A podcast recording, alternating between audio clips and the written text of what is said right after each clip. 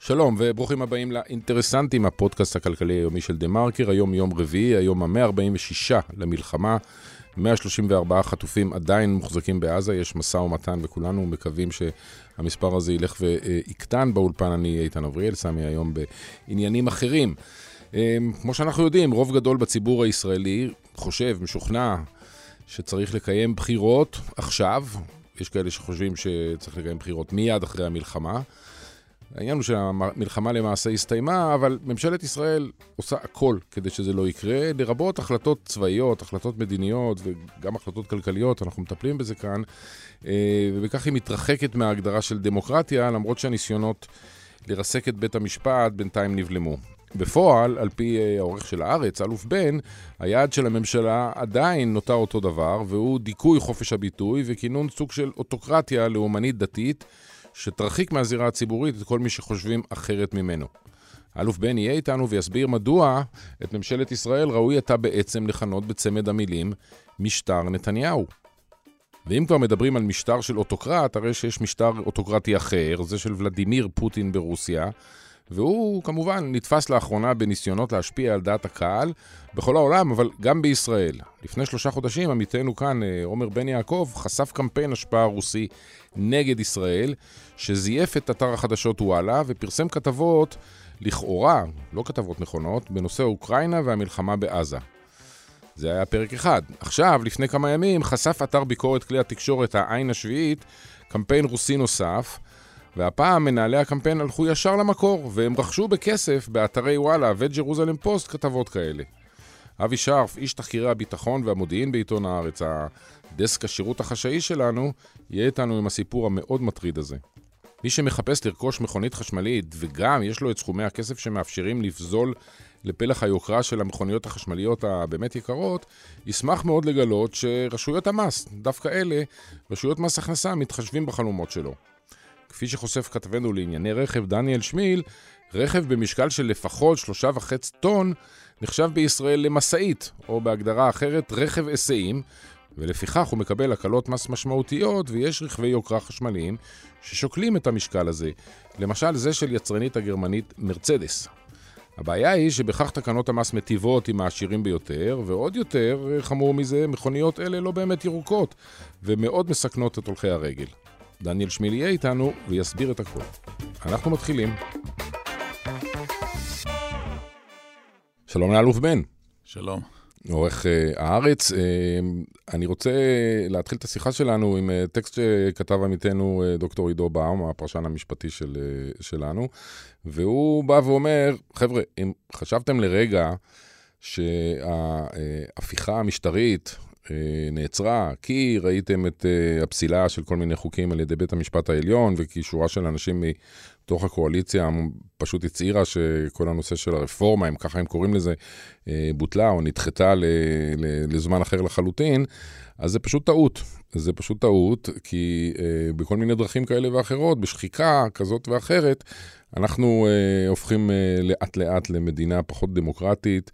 אה, ויותר אוטוקרטית, עם יותר השפעה של, אה, אה, של ראש הממשלה ודרכו לממשלה, וכמו שאנחנו יודעים, באמצעות הרוב שלו בכנסת.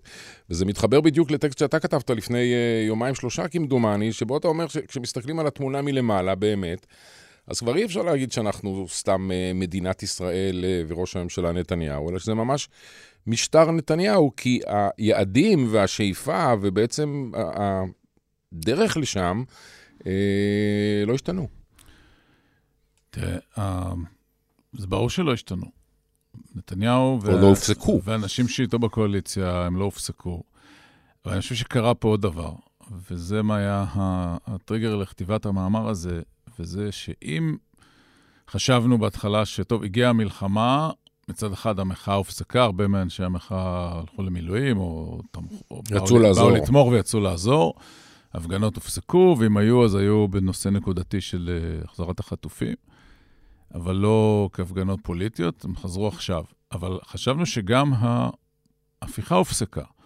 חקיקת הרפורמה המשפטית נעצרה, גנץ ואיזנקוט נכנסו לממשלה עם איזושהי הבטחה מעורפלת מנתניהו, שחקיקה בנושאים משמעותיים לא תקודם אלא בהסכמתם, או משהו דומה לזה, ו, ואמרנו, טוב, זה מאחורינו. עברנו מההפיכה למלחמה. ואז התברר שזה לא נכון. תראו, העניין המרכזי בהפיכה, או בשינוי שלטון, או במעבר מדמוקרטיה בעייתית ככל שתהיה לאוטוקרטיה, או לשלטון שכבר קשה להחליף אותו, זה פגיעה בחופש הביטוי. במלחמה זה קרה בשני טקטים. בהתחלה באמת הלכו אחרי מתנגדי המלחמה, בעיקר בחברה הערבית, אה, גם אנשי ציבור, מוחמד ברכה ואחרים שמנעו מהם להפגין, אזרחים ערבים שפרסמו כל מיני פוסטים אה, ברשתות חברתיות, מאות מהם נעצרו, הוגשו נגדם כתבי אישום, היו מסעות שיימינג, כמו נגד הזמרת דלאל אבו אמנה, שדיווחנו עליו, שדווקא את התיק שלה הפלילי סגרו, אבל ראש עיריית עפולה וחברי המועצה והרבה אזרחים באו להפגין מול הבית שלה אה, כדי, כדי לערער את ביטחונה, אולי לגרום לה לעזוב את העיר. והיו דוגמאות כאלה. האחרונה הייתה הניסיון להדיח מהכנסת את חבר הכנסת עופר כסיף מחד"ש-תע"ל. זה לא הצליח, זה נפל על 86 אה, מתוך 90 קולות שהיו דרושים, כלומר, ארבעה היו חסרים להם, אבל אני חושב שהמסר ברור. אבל עכשיו זה עבר שלב.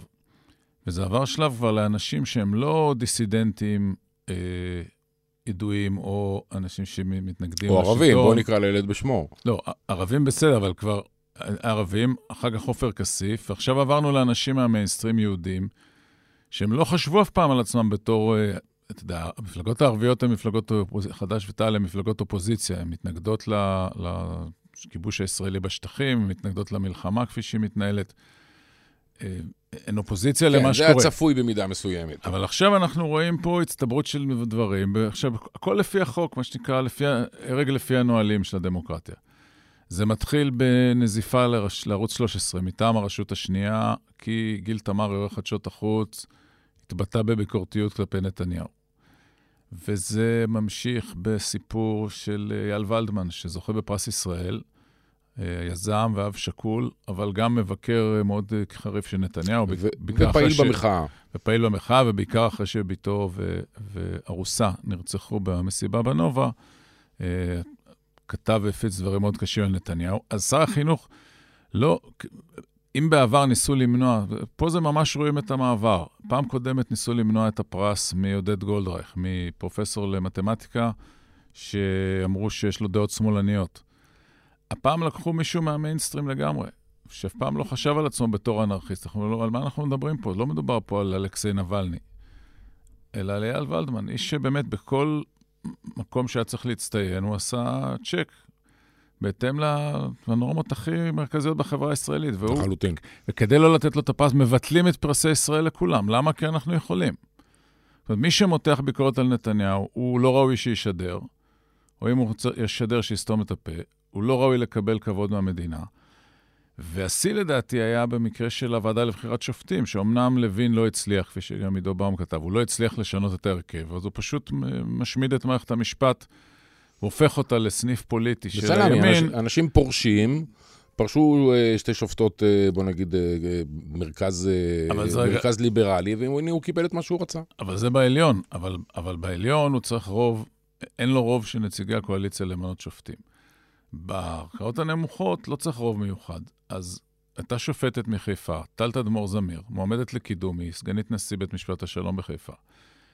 ופתאום אורית סטרוק אומרת, לא, היא לא לאומנית מספיק. למה? כי היא בדקה ומצאה שפסיקותיה בכל מיני כתבי אישום אה, אה, נגד ערבים על, על אה, פעולותיהם באירועי שומר חומות לפני שלוש שנים, הפסיקות לא היו חריפות מספיק לטעמה של השרה סטרוק. לוין הצטרף אליה, והנה השופטת הזאת לא קיבלה קידום. עכשיו, הלכתי לבדוק מי זאת השופטת הזאת. עכשיו עוד פעם, מדובר פה באמת בסמלת משקת נפגעים בנחל, סטודנטית בבר אילן, תובעת משטרתית, מי שבאמת מתוך לב-ליבו של המיינסטרים והממסד, אני לא מאמין שהיא חשבה על עצמה בתור אנרכיסטית או בתור מתנגדת למשהו, והיא, לא, והיא לא יכולה עכשיו להתקדם. עכשיו, המסר ברור, אתם רוצים להתקדם, תפסקו נגד ערבים. שיהיה ברור שיהודי וערבי אצלכם מקבלים עונש שונה, וערבי מקבל עונש הרבה יותר חמור על אותה עבירה. זה המסר שיוצא מהוועדה לבחירת שופטים. ושוב, הכל בסמכות, אורית סטרוק נבחרה לוועדה בסמכות, בכנסת, וכך הלאה.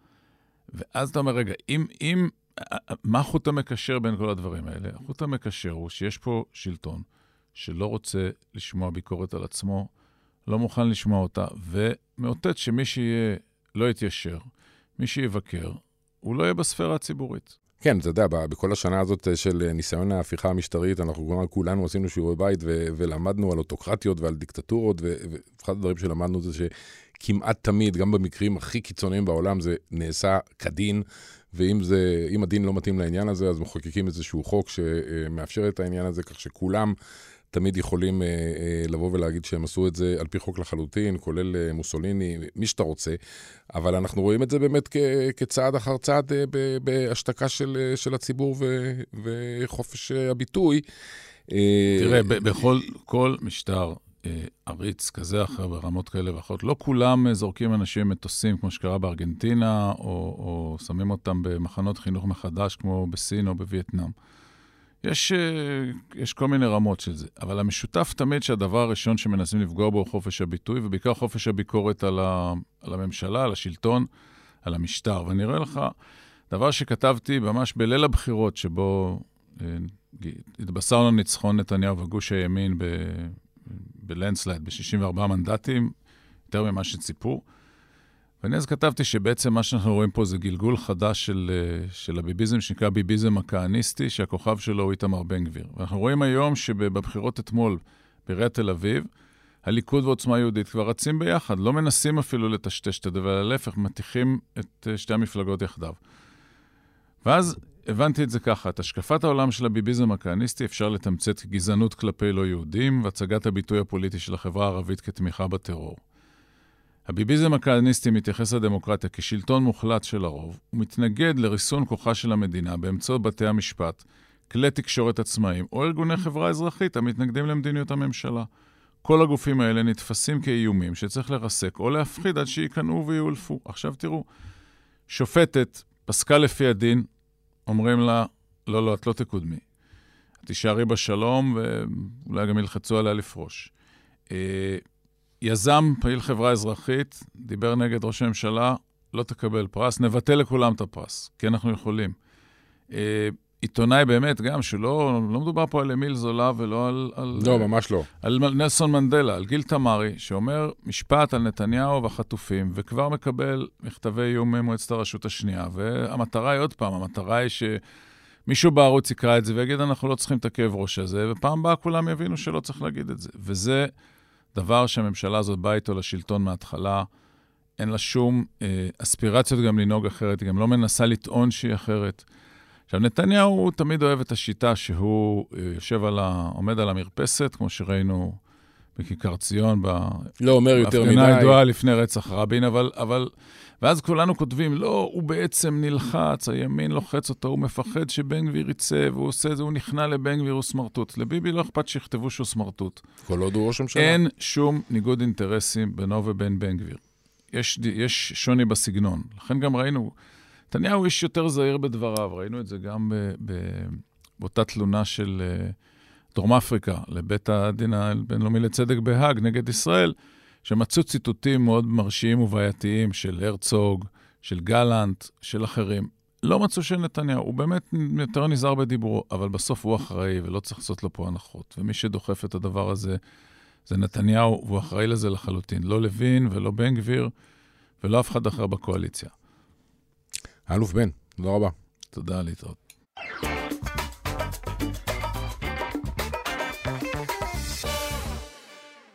שלום לאבי שרף. צהריים טובים. עורך דסק השירות החשאי, יש דבר כזה, דסק השירות החשאי בעיתון הארץ. אה, צוות קטן ומובחר שמכסה נושאים של אה, דיסאינפורמציה, ואתה יודע, אנחנו סיימנו עכשיו שיחה עם אלוף בן על אוטוקרטים, האם נתניהו אוטוקרט? יש בן אדם אחד שבוודאי כבר אין סימני שאלה לגבי הסטטוס שלו, וזה ולדימיר פוטין ברוסיה, הוא דיקטטור, הוא אוטוקרט. והוא אה, עוסק הרבה מאוד בדיסאינפורמציה, התחום שלך, והוא נתפס לאחרונה בניסיונות להשפיע על דעת הקהל. ברור שבכל העולם כבר הרבה זמן, אבל אה, גם בישראל. ואנחנו מדברים כי לפני אה, שלושה חודשים, אה, עמיתך, עמיתנו, עומר בן יעקב, חשף קמפיין של השפעה רוסי נגד ישראל באמצעות זיוף של אתרי וואלה, וזה רק פרק ראשון ממה שאנחנו הולכים לדבר עליו. אז קודם כל, ספר מה חשפתם אז, לפני שלושה חודשים, ומיד נגיע לאיך זה מתקשר למה שראינו השבוע. בעצם החשיפה לפני שלושה חודשים הייתה שלב שני של מבצע השפעה גדול של אה, רוסיה בשם דופלגנגר, דופלגנגר כפיל. מבצע ש... מי נתן לו את השם? אנחנו? אה, כלי התקשורת הבינלאומיים. לא, כן, בסדר. כן.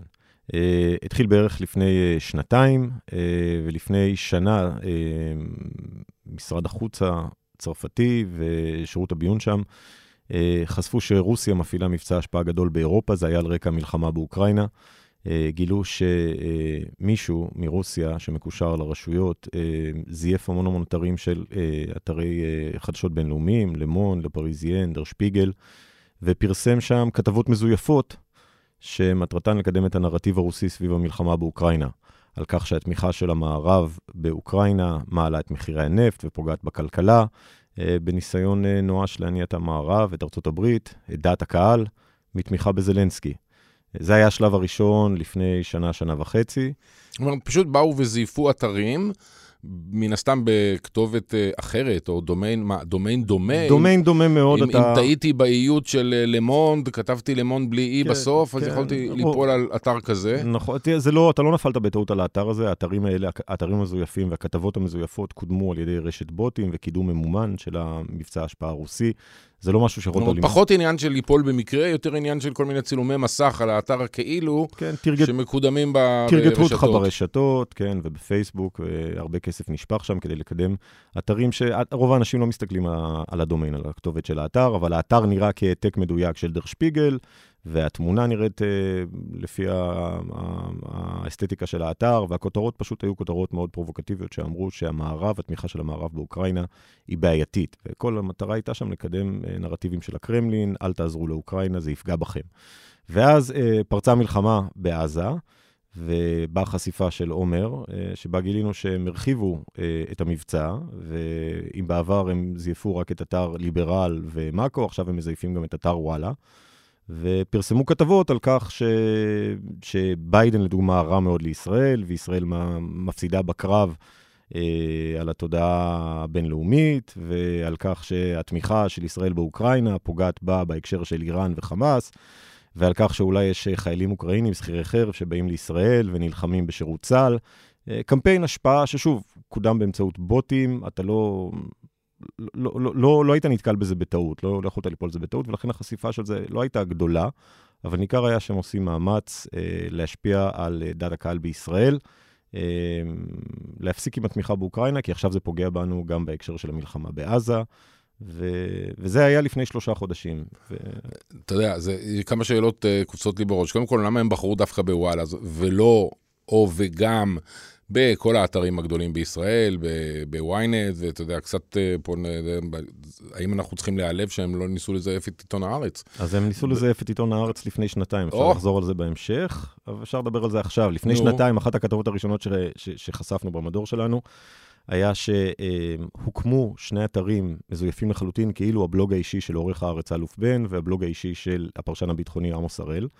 ובאתרים האלה אה, השקיעו הרבה הרבה עבודה, העלו בערך 200-300 טורים אמיתיים שפורסמו של האלוף בן בהארץ, הועתקו במלואם, הגרסה האנגלית שלהם, לאתר הזה, ובין ה-100, 200, 300 כתבות האלה אה, נשתלו כמה כתבות שהיו זיוף מוחלט. לדוגמה, אה, ראיון של אלוף עם תעשיין בכיר בישראל פה, ש, שמסביר כיצד ההייטק הישראלי מגויס לטובת המלחמה נגד רוסיה. זו כתבה מזויפת לחלוטין, אבל אה, גם הכתבות האלה קודמו אה, באמצעות רשתות בוטים. ואם כבר אנחנו מעורבים בזה, אז בשביל לנסות להבין איך אולי אפשר להתמודד עם כאלה דברים, האם אז או היום מישהו מאיתנו, או לחלופין מישהו מוואלה, בסיפור של, אה, שחשפתם לפני שלושה חודשים, הלך והתלונן מול הרשתות החש... אה, החברתיות הללו, שצילומי המסך האלה הם בעצם משקפים, אה, אתה יודע, תרגיל דיסאינפורמציה? אני לא יודע. ומה הם אומרים אז בתגובה אני, לדבר אני כזה? לא יודע מה עשו בוואלה ובמאקו, כאשר הם גילו, לדעתי הם גילו בכתבה שלנו, הם לא ידעו על זה לפני כן, כי... גם יכול להיות. כי זה.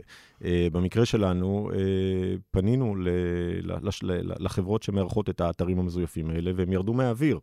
Uh, אבל זה לא משנה, הצילום מסך כבר אה, קיים anyway. הנזק כבר נעשה, אפשר לחזור אחורה אפילו עשר שנים, כמעט עשר שנים אחורה.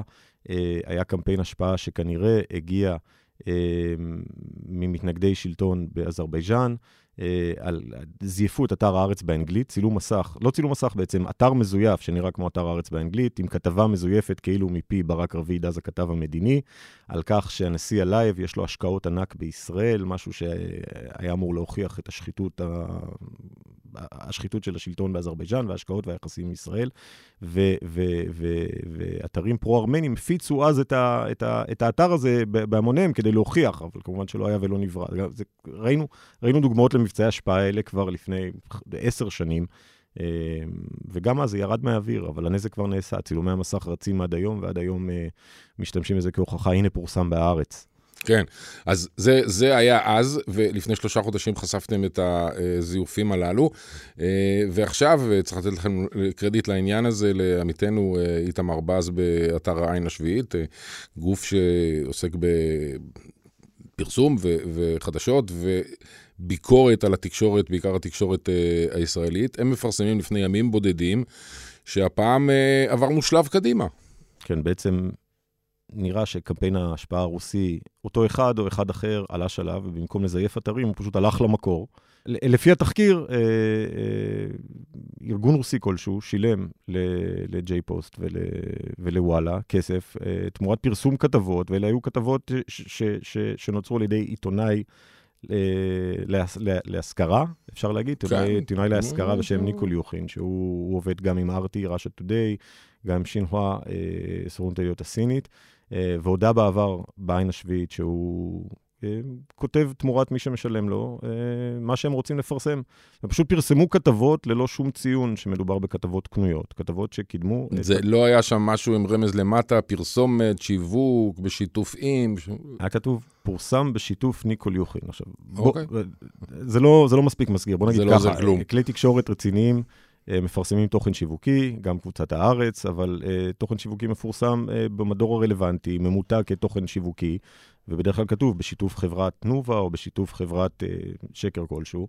במקרה הזה, הכתבות האלה לא פורסמו במדור תוכן שיווקי, הם פרסמו תחת תוכן מערכתי, ולא לא נכתב שגורם רוסי עלום משלם, והקבוצה אישרה לתחקיר של העין השביעית שהם קיבלו את הכסף מגורם רוסי, הם רק לא ציינו מי היה הגורם.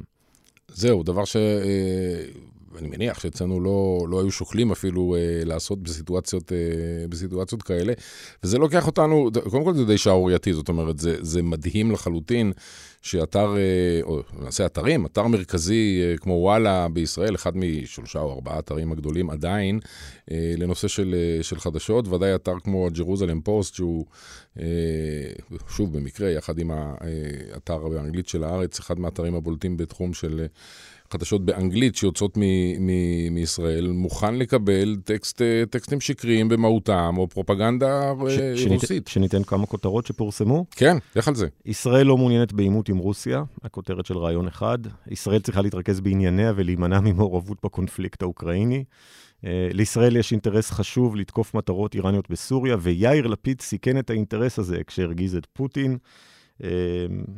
רק כמה דוגמאות לכתבות שפורסמו שם. אל תעצבנו את פוטין דיר באלק, כן. או פ, פחות או יותר. אתה יודע, מה שמטריד אותי, אה, אני לא יודע מה האפקט, קודם כל, מה אתה חושב שהאפקט של הדברים האלה בפועל, וכמה זה דרמטי, כי לפעמים זה נראה כמו סיפורים אזוטריים, אבל uh, יהיה קשה לתפוס מישהו ברחוב שיבוא ויודה אחרי קצת מחשבה, שבגלל שהוא ראה איזושהי ידיעה כזאת או אחרת, או איזה צילום מסע אחר, כזה או אחר, הוא, הוא שינה את תפיסת העולם שלו אני... לגבי משהו. כן. אני לא חושב שניתן למדוד את זה על פי כתבה אחת ספציפית. זה קמפיין רב זרועות, הוא עובד גם באפיקים של זיוף, גם באפיק הזה של אה, קידום כתבות קנויות. צריך לזכור שהשוני בין מה שנחשף בעין השביעית לגבי התשלום לאתרים הרציניים הללו, תמורת פרסום כתבות קנויות, לבין מה שנחשף בקמפיין דופלגנגר, שבדופלגנגר, כשזייפו אתרים, החשיפה הייתה קטנה מאוד. זאת אומרת, היה קמפיין גדול, אבל מעט מאוד אנשים נחשפו לזה. לא משנה באיזה שפה זה היה, כי זה קודם ברשתות על ידי בוטים וכן הלאה. אה, פה במקרה הספציפי הזה, קידמו כתבות במעלה האתר, לקהל שהוא קהל היעד של ה... של ה... כן. של ה... אתה בא לוואלה, והאורחים קידמו כתבה כזאת. אתה בא לג'רוזלם פוסט, והאורחים קידמו כתבה, והחשיפה לדבר הזה גדולה בהרבה, ועין השביעית פרסמו 4-5 כתבות כאלה, אני לא יודע להגיד לך מה, מה ההשפעה הדרמטית, אבל uh, זה מקבל בולטות, ושוב, זה מאפשר לרשתות הללו אחר כך לעשות צילומי מסך. בדיוק. ולהפיץ את זה הלאה, כפי שנחשף באתר הרציני ג'רוזלם פוסט, כפי שנחשף בכלי התקשורת הרציני וואלה, כך וכך וכך אמרו מומחים ישראלים. אל, אל אה, לישראל להסתבך עם פוטין, זה פוגע בכלכלה, זה פוגע במלחמה שלה עם אה, איראן ובחמאס. אה, יש לזה השפעה אז, מצטברת. אז, אז אלה באמת אה, דברים שנוגעים לפוטין, נוגעים לדברים שהכי כואבים לו כרגע, המלחמה באוקראינה וכן הלאה. האם ומתי פוטין גם מתערב ישירות בקמפיינים או בפוליטיקה ישראלית? אנחנו יודעים עוד חזרה מ-2016 את הקמפיין הגדול ש, שרוסיה עשתה, וחושבים שהיא... שהוא תרם בצורה משמעותית בסופו של דבר לבחירה של, של דונלד טראמפ. מיד, מאז כולם, לפחות בארצות הברית, הרבה יותר ערניים לדברים האלה, לא שהם נפסקו. אבל האם אנחנו חושבים, או ראינו בעבר, ואנחנו יכולים לחשוד ש... אה, נראה בעתיד, בסיטואציה למשל של בחירות uh, כלליות נוספות uh, בישראל. אני לא מאמין שהרוסים יתערבו בבחירות אתמול של הרשויות המקומיות, זה כבר כנראה קטן עליהם, אבל נניח שיהיו בחירות בלא עוד הרבה זמן ב- בישראל, האם סביר להניח שנראה את, את הרוסים מנסים לקדם את האינטרסים שלהם דרך, למשל, סיוע לנתניהו? אני לא יודע לגבי סיוע ספציפי לנתניהו, אני לא בטוח שראיתי כזה דבר, אבל ראינו ב... מערכות הבחירות האחרונות, וגם זה נחשף בארץ אה, בכמה כתבות, ראינו אה, קמפיינים של השפעה אה, מסיביים שניסו לרכב על השסעים החברתיים בישראל. ואולי המטרה הספציפית שלהם לא הייתה לעזור ספציפית לנתניהו, אבל המטרה שלהם הייתה... אה, לזרוע כאוס אה, ולשסות אה, פלגים קוטביים בחברה. איך, איך זה היה אז? איך הם פעלו? באיזה אמצעים? הם, הם לקחו שסע כלשהו, לדוגמה, אה, דתיים חרדים אה, מול אה, להט"בים, אוקיי? והם, אה, וזה לאו דווקא היה רוסים, לדעתי ההשפעה שם הייתה איראנית יותר, למרות שזה לא, לא בטוח שזה מוסמך עד הסוף, כי קשה מאוד בסוף אה, לשים את האצבע עד הסוף, זה היה איראני אז. אבל המטרה הייתה לקחת נושא שהוא בקונפליקט ו- ו- ולהקים עמודים מזויפים לשני הצדדים של הקונפליקט ולפרסם פוסטים שתוקפים את הצד השני ולקדם אותם ו- ופשוט לקטב ולשסע. אה, בכל אפיק אפשרי. אה, חלק רכבו על אה, פרופגנדה אנטי-נתניהו, וחלק רכבו על פרופגנדה אנטי-לפיד. או אנטי בנט. Okay. כן. Uh, המטרה היא לקטב ולשסע, וזה, וזה דומה מאוד למה שהם עשו, כאמור, אז לפני הבחירות בארצות הברית, כאשר הם, uh, ממשרד קטן בסנט פטרבורג, uh, המציאו איבנטים מזויפים של הפגנה בעד Black Lives Matter ובעד השוטרים מצד שני, וקראו לכולם, הזמינו את האנשים להגיע לאיבנט, ויצרו הפגנה יש מאין אה, של אה, אה, קבוצות... קבוצות אה, בקונפליקט, וזה הגיע לעימותים ברחוב, וזה, וזה השפיע בצורה כזאת או אחרת. אז בוא, בוא, לסיום, אני אשאל אותך, אה, אנחנו יודעים שבנוסף לכל הדברים האלה שנעשו, אולי מאז ומתמיד בדרכים מסוימות, אבל עכשיו הם נעשים, נעשים אלקטרונית וברשתות אה, אה, חברתיות, על זה תוסיף את הרובד של אה, היכולת שאפשר לעשות דברים באמצעות בינה מלאכותית וטקסטים, על זה תוסיף את היכולת של לעשות דברים באמצעות deep אה, fake, זאת אומרת לזייף תמונות ולזייף קטעי וידאו שלכאורה מישהו עומד uh, ואומר דבר, דבר מה. Uh, ככל שהרוסים ו/או האיראנים ו/או מי שלא יהיה יחליטו להתערב, נניח בבחירות הקרובות שיהיו בישראל, אני ואתה מקווים שיהיו בחירות כאלה, אבל מתי שהם לא יהיו, האם יש מנגנון אה, בישראל אה, ממשלתי, פורמלי, שיודע להתמודד עם הדברים האלה, שמתכונן להתמודד בדברים האלה? כי די ברור שהם יגיעו. בסיבובים הקודמים של הסיפורים שחשפנו, אה, הבנו שהשב"כ, שאמון על תחום מבצעי השפעה זרה בישראל, מודע למבצע הרוסי. כנראה שהיכולת שלו לפעול בנושא אינה קיימת. או הרצון. או הרצון. אה, כי עובדה שהקמפיין הזה נמשך. רק לפני יומיים-שלושה פורסם פעם בוויינט על אה, גלגול נוסף של קמפיין דופלגנגר, הם המשיכו לזייף עוד שניים-שלושה אתרים אה, בעברית עם טקסטים דומים. זאת אומרת, הדבר הזה ממשיך להתקיים. מטה הסייבר הלאומי, אני לא, לא יודע אם אתה זוכר, לפני חודשיים, שלושה, עם פרוץ המלחמה, השיק קמפיין ברדיו שקרא לאנשים שמזהים פייקים לפנות אל כן, הרשויות יופי. ולעדכן וכן הלאה. זה באמת... אתה שמעת, אתה שמעת, אתה שמעת. אתה שמעת עדכון מהממשלה שאומר, שים לב, חשפנו משהו, תיזהרו, אני לא, לא רואה מישהו, לא, נער, לא מישהו, דבר. מישהו, מישהו, מישהו אה, פועל בצורה רצינית בנושא. הדיפ פייק וה-AI מאוד מאוד בעייתי. כבר לפני שלושה-ארבעה חודשים, כשהתחיל המבצע ההשפעה הרוסי בישראל, ראינו אה, שחלק מהפוסטים שקידמו את האתרים המזויפים, הם פשוט נכתבו באמצעות בינה מלאכותית. זאת אומרת, זה חוסך זה חוסך משאבים, עבודה. זה חוסך עבודה תמצא עכשיו ומשאבים. מישהו שיכתוב טקסטים זה, בעברית, זה. מקל, זה, זה נכון שהשפה מאוד דילגת, ואם אתה ממש מתבונן אה, בקפידה, אתה יכול לזהות שזה, אבל רוב האנשים פשוט משתפים הלאה, וזה... כן, כותרת, מוסיף לנזק. כותרת מספיק, זה בדרך כלל צילום מסך. וראינו שם לא רק בינה מלאכותית, ראינו שם שימוש ראשון בדיפ פייק, זייפו אה, סרטון אמיתי של חייל אה, צה"ל, הוסיפו, הלבישו עליו אה, פסקול דיפ פייק, שבו הוא מספר בעצם ששכירי חרב אוקראינים מגיעים לארץ להילחם בשירות ישראל נגד החמאס, אה, וזה נראה מאוד מציאותי, ובארצות הברית כבר רואים את זה לקראת מערכת הבחירות הקרובה, שימוש מסיבי בדיפ פייק. קיצור, זה רק הולך לגדול, ואנחנו יוצאים פה בקריאה למאזינים שלנו, ש... להיות זהירים במה שהם קוראים אה, ומשתפים. כן, את כל, את כל שיקול הדעת, וייזהרו בכל דבר שנראה קצת, אה, קצת תמוה. אם זה נראה מוזר, אם זה נראה הזוי, יש סיכוי גדול שזה באמת, אה, שזה באמת מוזר ו, והזוי. אה, אפילו אם זה צילום מסך של עיתון הארץ, אה, צריך להודות.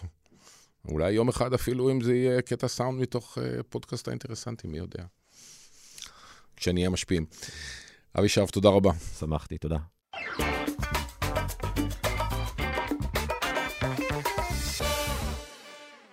שלום לדניאל שמיל. שלום איתן. כמו שאתה יודע, יש לי uh, חולשה וסימפתיה למכוניות חשמליות. אנחנו uh, עוסקים בזה uh, הרבה שנים, ולשמחתי הנושא עכשיו באמת נהיה רלוונטי לכל אחד. אני מאמין שכמעט כל מי שקונה מכונית היום, לפחות מתלבט לעשר דקות, uh, אולי הוא יקנה גם מכונית חשמלית. ועוד דבר, זה שסמי לא נמצא פה היום בשביל לתת את הפרצופים המשעממים שלו כל פעם שאנחנו נוגעים בעניין. אז אנחנו, uh, אני מנצל את היעדרותו בשביל לדבר על זה, ומה ש... Uh, אה, או, או כתבת וגילית ל, ל, לכולנו שלא ידענו, שאם אתה באמת אה, מפנטז על מכונית חשמלית, אה, וגם אתה מאלה שיש להם את הפרוטה בכיס ומחפש מכונית אה, יוקרה, ויש כאלה חשמליות, האמת היא שרובן אפילו כאלה Mhm. בקטגוריה הזו, אז uh, במחיר מסוים אתה כבר uh, נכנס לקטגוריה של uh, מכונית ששוקלת בגלל הסוללות uh, uh, שלושה וחצי טון, תכף כן. תספר לנו את העניין, ואז אתה מקבל הנחות מס מפליגות. אז uh, בוא, בוא תספר לנו איך זה עובד, כדי שנתכנן את הרכב הבא שלנו. כן, יש בעצם שני סוגים של קומבינות, אבל על אותו סולם. מעל שלושה וחצי טון, אתה, יש כאלה שמביאים מכוניות חשמליות ענקיות, שדוגמה בולטת זה EQS SUV, מכונית של מרצדס. מרצדס. כן, כן, אה, שבעה או חמישה מקומות. ה- ה- באמת, הדבר הכי רחוק מרכב עבודה שאפשר להעלות על הדעת. מכונית נוסעים מאוד מפוארת, אבל הם מביאים אותה לעסק, רושמים אותה כרכב מסחרי, ואז מקבלים הנחות במע"מ, או המע"מ, סליחה, מוכר צורכי מס גם ברכישה שלהם, וכאן מדובר בסביבות ה-150 אלף שקל שהם מוכרים. 150 אלף שקל פטור ממס. לא, אה, זה, זה, לא, זה לא פטור, אלא הכרה. זה נכנס לא, לכלל הוצאות המע"מ של, ה, אוקיי. של העסק. לא, בסוף אה, זה... כן, כן, זה- בעסק זה כסף, זה כסף מלא. הם מזדכים על זה, ובנוסף, אתה אה, פטור ממע"מ על כמעט כל הוצאות המכונית הזאת. אז זאת, זו דוגמה אחת של מכונית נוסעים שהופכת למסחרית. אה, הדוגמה... זה מזכיר את הימים מלפני 25 שנה, שמי שהיה קונה רכב אה, דיזל, נכון. אז פתאום היה לו משאית אה, בבית, ואותו דבר, הוא יכול להזדכות על המע"מ, הוא יכול לקבל כל מיני הנחות כאלה ואחרות. לגמרי. כבר היום, אגב, יש... היה את אה, התקנה הזאת לפני הרבה זמן, ואז היו ג'יפים שהם, אין שום, שום קשר בינם לבין, אה, לבין רכב עבודה, ג'יפים מפוארים עם, עם אה, מושבים מאור, מקבלים הנחות אדירות. כן, כן, זה, זה, זה אותו טריק בעטיפה חדשה, אבל זה אפילו עכשיו עטיפה יותר מסוכנת, ועוד מעט אני אגיד, אני אספר טיפה למה. עכשיו, דוגמה יותר קיצונית, זה מכונית שהגיעו כמה יחידות ממנה לארץ, זה ה-GMC המר, שהשם כמובן מרמז לאותו רכב קרבי משנות ה-90, אבל זאת מכונית חשמלית עצומה בגודלה, כן, הרוחב הוא 220, 220 סנטימטר, המשקל עולה בקלות על 4.5 טון. וזה רכב שעשועים, רכב לשטח, רכב אגב ממש מגניב, צריך להגיד. אבל הוא מגיע לארץ כמשאית, אוקיי? אין עליו, מס, אין עליו מיסים בכלל. וככה אתה, כן, אתה יכול לקנות... רגע, בוא נבהיר, זה לא בגלל שזה חשמלי, שזה, אה, לא, ש, שזה, זה היה עובד בכל מנוע, נכון. אבל בגלל הסוללות שהן כל כך כבדות, בשביל להזיז כזה, כזה דבר, אז בעצם מגיע המשקלים נכון, האדירים האלה. כן, לאותו המר יש אה, סוללות ב, אה, בתכולה, כמו שנוהגים להגיד, של מעל 200 קילוואט שעה. הסוללה עצמה שוקלת בערך כמו מכונית מיני, ו- וככה המכוניות האלה מגיעות לארץ, ו- ו- ומגיעות כבר לקטגוריות משקל של, של רכב וסעים או רכב אה, או משאיות. ואנשים מנצלים את פרצת המס הזאת. המספרים עדיין לא גדולים, כן? לא, עדיין זה לא תופעה רחבה, אבל אומרים לי כל אותם סוכני יבוא מקביל, זעיר, שיש כבר עשרות אה, מכוניות. למה רק סוכני יבוא מקביל? היבואנים הרשמיים לא מביאים את ה... אני לא יכול לקנות כזה אצל... אה, היבואן הרשמי של BMW, של סליחה, של, של מרצדס? של, אה... אז, אז מרצדס כן מביאים את ה-EQS SUV, אבל הם בגלל שהם כן מנסים יותר לפעול לפיה, הם לא מאפשרים, הם, יותר קשה לרשום את זה שם כרכב עבודה ולקבל זיכוי במע"מ, אתה גם, הם לא מגיעים לאותה קטגוריית משקל, כי הם מביאים גרסה טיפה שונה. Uh, GMC המר לא מגיע עדיין ביבוא ישיר, רק ב... ביבוא מקביל. יש עוד דוגמאות uh, שהן אולי יותר ככה, למשל, טנדרים חשמליים של פורד, uh, שברולט עומדת להביא טנדר חשמלי לארץ, ופה קשה יותר להוכיח שזה לא רכב עבודה, אבל גם לא בטוח שכל מי שקונה דבר כזה... אז אה, אם נלך לעבר, בסופו של דבר מס הכנסה התעשת אה, לפני 25 שנה עם, ה, עם, ג'יפים, אה, עם ג'יפים דיזל ש, שקיבלו סטטוס של, נכון. של רכב עבודה, וסגר את הפרצה, זאת אומרת, הוא שינה את התקנות כך שזה כבר הפך ללא, ללא רלוונטי. האם העובדה שאנחנו מרימים עכשיו דגל לעניין הזה, אתה חושב, או ככל הידוע לך, או מה אמרו במס הכנסה על אתה יודע, סגירת, כן. ה, סגירת הלקונה הזאת באיזשהו מקום. אז, אז רשות המיסים לא התרגשה מזה עדיין, אולי כי מדובר במספרים קטנים, אולי כי באמת יש, יש להם קושי אמיתי, הם רוצים לעודד אה, רכבי היסעים ומכוניות מסחריות, זה מכוניות שאם יוטל עליהן מס קנייה, המחיר שלהן יקפוץ. אבל יש כאן איזו פרצה שצריך לבדוק איך סוגרים אותה, ולא רק... סוגרים אותה. אה, אגב, זה, זה לא רק... יש לי הצעה כן. פרקטית. אם יש בזה מושבים מאור, אז... אה, אז כנראה שזה אל לא... תיתן, אל תיתן את הנחת המס. כן, אולי צריך לה... מזה. להגביל את ההספק שלפחות פחות מאלף כוחות סוס, כמו שיש להאמר. אבל... לא, אולי גם. כן, אבל באמת יש כאן בעיה בעיניי יותר גדולה, והיא לא, לא רק למכונית, זה לא רק העלמת המס, שבינתיים, נגיד, לא מדובר במיליונים רבים. זה לא כלי... לא, זה לא מיליונים רבים, אבל זה הפרינציפ. אבל, אבל זה, זה, זה, אלא שיש איזושהי סכנה במכוניות חשמליות שלא שמנו לב אליה, כן, בעבר דיברו על חשמליות בתור מכוניות עירוניות וחינניות, שלא יזהמו את העיר וייסעו בשקט, אבל אנחנו רואים שיש ביקוש בכל העולם למכוניות חשמליות עצומות, כן, מכוניות יוקרה עם סוללות גדולות. אגב, גם, גם טסלה שם, כן, עם המודל S, ו, ואלה מכוניות שחוץ, כלומר, שאתה לוקח כזה משקל עצום ואתה גם מטיס אותו עם מנועים חשמליים אדירים, אתה יוצר כאן שתי בעיות. כלומר, אתה, או, או בעיה גדולה אחת בטיחותית, שאם היא פוגעת בכלי רכב אחר, הנזק לכלי רכב האחר הזה הוא אדיר. מתוקף המסה היחסית. מתוקף המסה, כן, לגמרי. כלומר, שתי מכוניות משפחתיות מתנגשות, החשמלית לעולם תהיה כבדה יותר מבין ה, בין השתיים, ו, וזה יוצר, יוצר נזק למכוניות אחרות. כמובן שמשתמשים פגיעים כמו הולכי רגל, רוכבי אופניים, הסיכוי שהם להיפגע בתאונה כזאת הוא הרבה יותר גדול. ואגב, זה גם לא כל כך ירוק, כי צריך הרבה יותר אנרגיה בשביל להניע כלי רכב כבדים כל כך. כן, אז... אתה יודע, באיזשהו מקום פה אתה עושה פרסום ל, אה, לב, ל, ל, לבטיחות בצד של הנהג של הרכב הזה. לגמרי, כן. אה, ומצד שני, בכל מי שהוא יפגע בו, בין אם זה הולך רגל או מכונית אחרת, אה, הוא, הוא, יהיה, ב, הוא יהיה בצרות צורות. זה, זה באמת מעניין, וזו תופעה שצריך לחקור. אולי, אולי בדקו משהו ש... יש, יש כבר נתונים. איך, כן. איך אה, בסופו של דבר הגענו למצב שהמכוניות החשמליות האלה נהפכו למפלצות, ובאמת כל מכונית חדשה שמגיעה מסין, ואנחנו רואים אותם עם שמות שאף אחד כבר לא יכול לזהות מרוב שיש כאלה, mm. אבל זה, זה, אלה מכוניות ענקיות. נכון. אה, אני, יש פה כמה הסברים. אחד, שיש סוג של מרוץ חימוש, כן? אני, אם כולם קונים מכוניות גדולות יותר, גם אני רוצה מכונית יותר גדולה, כי אני לא ארגיש נוח לנסוע בקיה פיקנטו או... פיאט 500 אבל אין קיה פיטר פיקנטו חשמלית לא, שובבה זולה. כן, אז פיאט 500 E, כן, או יש עכשיו דגם באירופה בשם דאצ'יה ספרינג, שעדיין לא נמכר ביבוא סדיר בארץ. אבל אם כולם נוסעים כלי רכב גדולים, אני אולי ארגיש לא נוח, ואפשר להבין את זה, לנהוג במכונית קטנה. אמ, ושנית, אנחנו רואים שככל שיש זה, יש מין רצון להגיע לטווחים אדירים, למרות שאנחנו לא, לא, אם יש לך עמדת טעינה ביתית, אתה לא חייב למעלה מ-400 קילומטר נניח במכונית חשמלית, כן. אבל מכוניות יוקרה רוצות להציע יותר, 600 ו-700 קילומטרים, ואתה רואה שהסוללות שלהן פשוט הולכות וגדולות, וגדלות, והמשקל יחד איתן. כן, איפה הימים ש... אני מעיד על הבומריות שלי, שהדבר ה cool היה לנסוע עם, אה, אני יודע מה, אלפה רומאו ספיידר כזאת קטנה ו- וזריזה. נכון. אה, בוא נסיים עם, אה, עם, נקרא לזה, תפריט מלא ל, ל, לנהג הישראלי האגרסיבי, שלא אכפת לו מכלום. אז אחד, שיקנה, נגיד, מרצדס שחורה מהמודל הזה עם שלוש וחצי קילו, ויקבל את ההנחה של 150 אלף שקל. ושל כל ההוצאות השוטפות, אה, כי הוא בעצם נוסע פורמלית במשאית. וחוץ מזה, נניח שהבן אדם הזה גם רוצה להחנות בחניית נכים, אך, 아, אה, זה... אך הוא איננה נכה. זה כמה, כסף הרבה יותר קטן. כמה מסובך להשיג, אה, להשיג את הטאג הנכסף? כן, זה כסף הרבה יותר קטן. אז בשבוע שעבר עשינו על זה כתבה, קיבלנו הצעה מאיזשהו מאכר, אמרו לי אחר כך שאפילו יקרה יותר, סליחה, מאכר, חברה למיצוי זכויות, ככה זה נקרא.